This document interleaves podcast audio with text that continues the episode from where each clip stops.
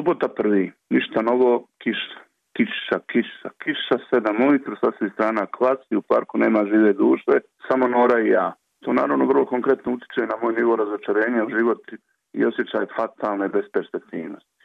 Ali Nora nije takva, ona je pas i za nju je naprosto bolje ono što je ultimativno dobro od onoga što je privremeno loše. Njoj je važnije što je vani nego što kisne, njoj je važnije što može da njuška i trčkara nego što je hladno. Imam neki osjećaj da njoj je važno i to što vrijeme i prostor dijeli sa mnom, bez obzira koliko što vrijeme i prostor trenutno neugodno. Šta ima veze što pada kiša? Toliko me smiruje da mogu, bar u ovom trenutku, podnijeti da živim u gradu u kojem je tacista izbacio autistično dijete iz vozila zato što je vrisnuo.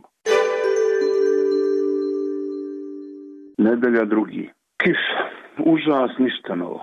A onda, kako to kod nas biva, bez ikakve najave sunce, svi trk na ulicu, još kapa, a ljudi se već svađaju oko mjesta u kafanskoj baši. Da li ostavljene cigarete znače da je to zauzet ili ne? U raspravu se uključuju okolni gosti, prolaznici, samo konobar kao prirodno najpozvaniji da arbitrira se pažljivo razvijenom vještinom neprimjećivanja onog što ne želi, naprosto ne miješa. Kad je rasprava već prerasla u svađu, koja mogla je da eskalira u tuču, konobar konačno priđe i gotovo nezainteresovano promrmlja, hajmo ba malo pomalo bit će to sve. Što li je to trebalo da znači, nemam pojma, ali napetosti malo pomalo nestade.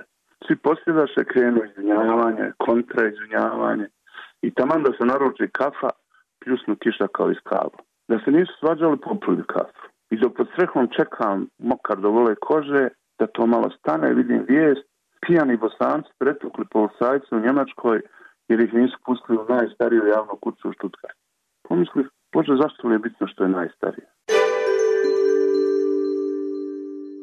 Ponedjeljak treći. Pa sunce, pa opet kiša. Znači ništa novo. S zakašnjenjem sam doznao da je prije dva dana svečano otvoren spomenik Dragoljubu Mihajloviću Draži u Bileći, ratnom zločinu.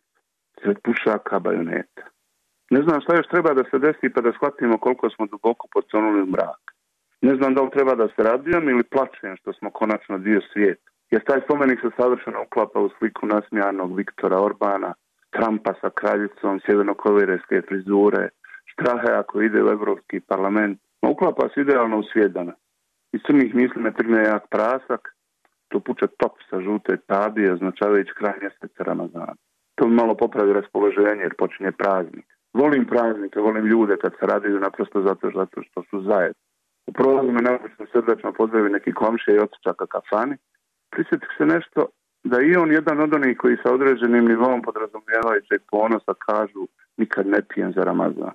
Nisam čestunac kad mi se pije pijem, ali ne volim tu rečenicu. Nekako mi predstavlja sukus za nas tako tipičnog licemjerja. Draže u bileći, Bože sačuvaj.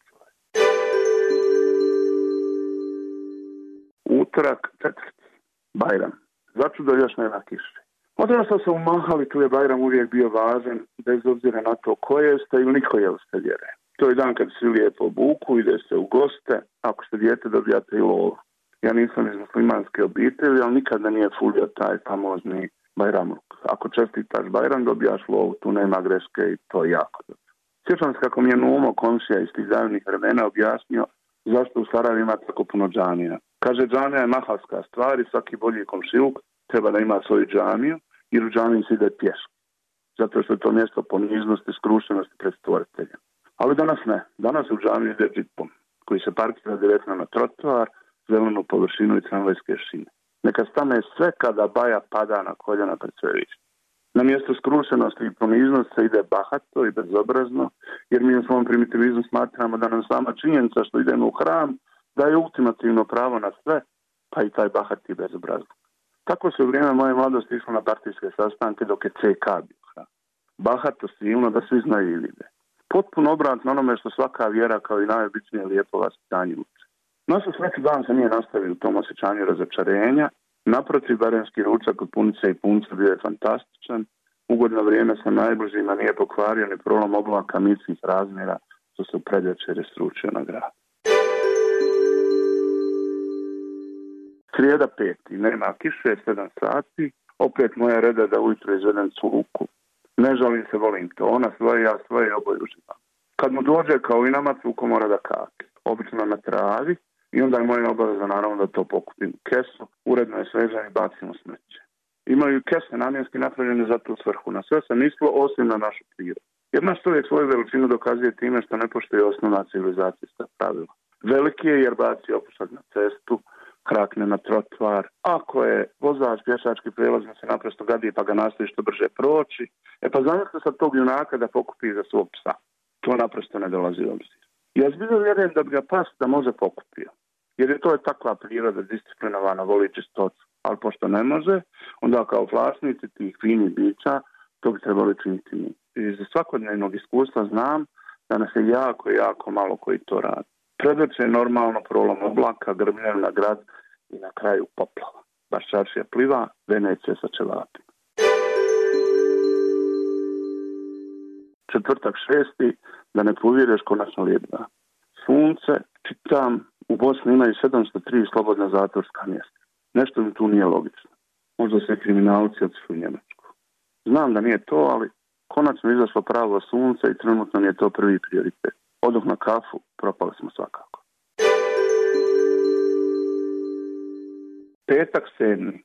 Stabilno sunce, optimalni uslovi za optimistične planove. Pišem scenariju, trenutno sam u delikatnoj fazi puzanja ka radnom stolu. Ali kako nema dovoljno vremena za pisanje, bit će to ok, jer kao i svi naši ljudi nija ne stižem ništa kad imam vremena.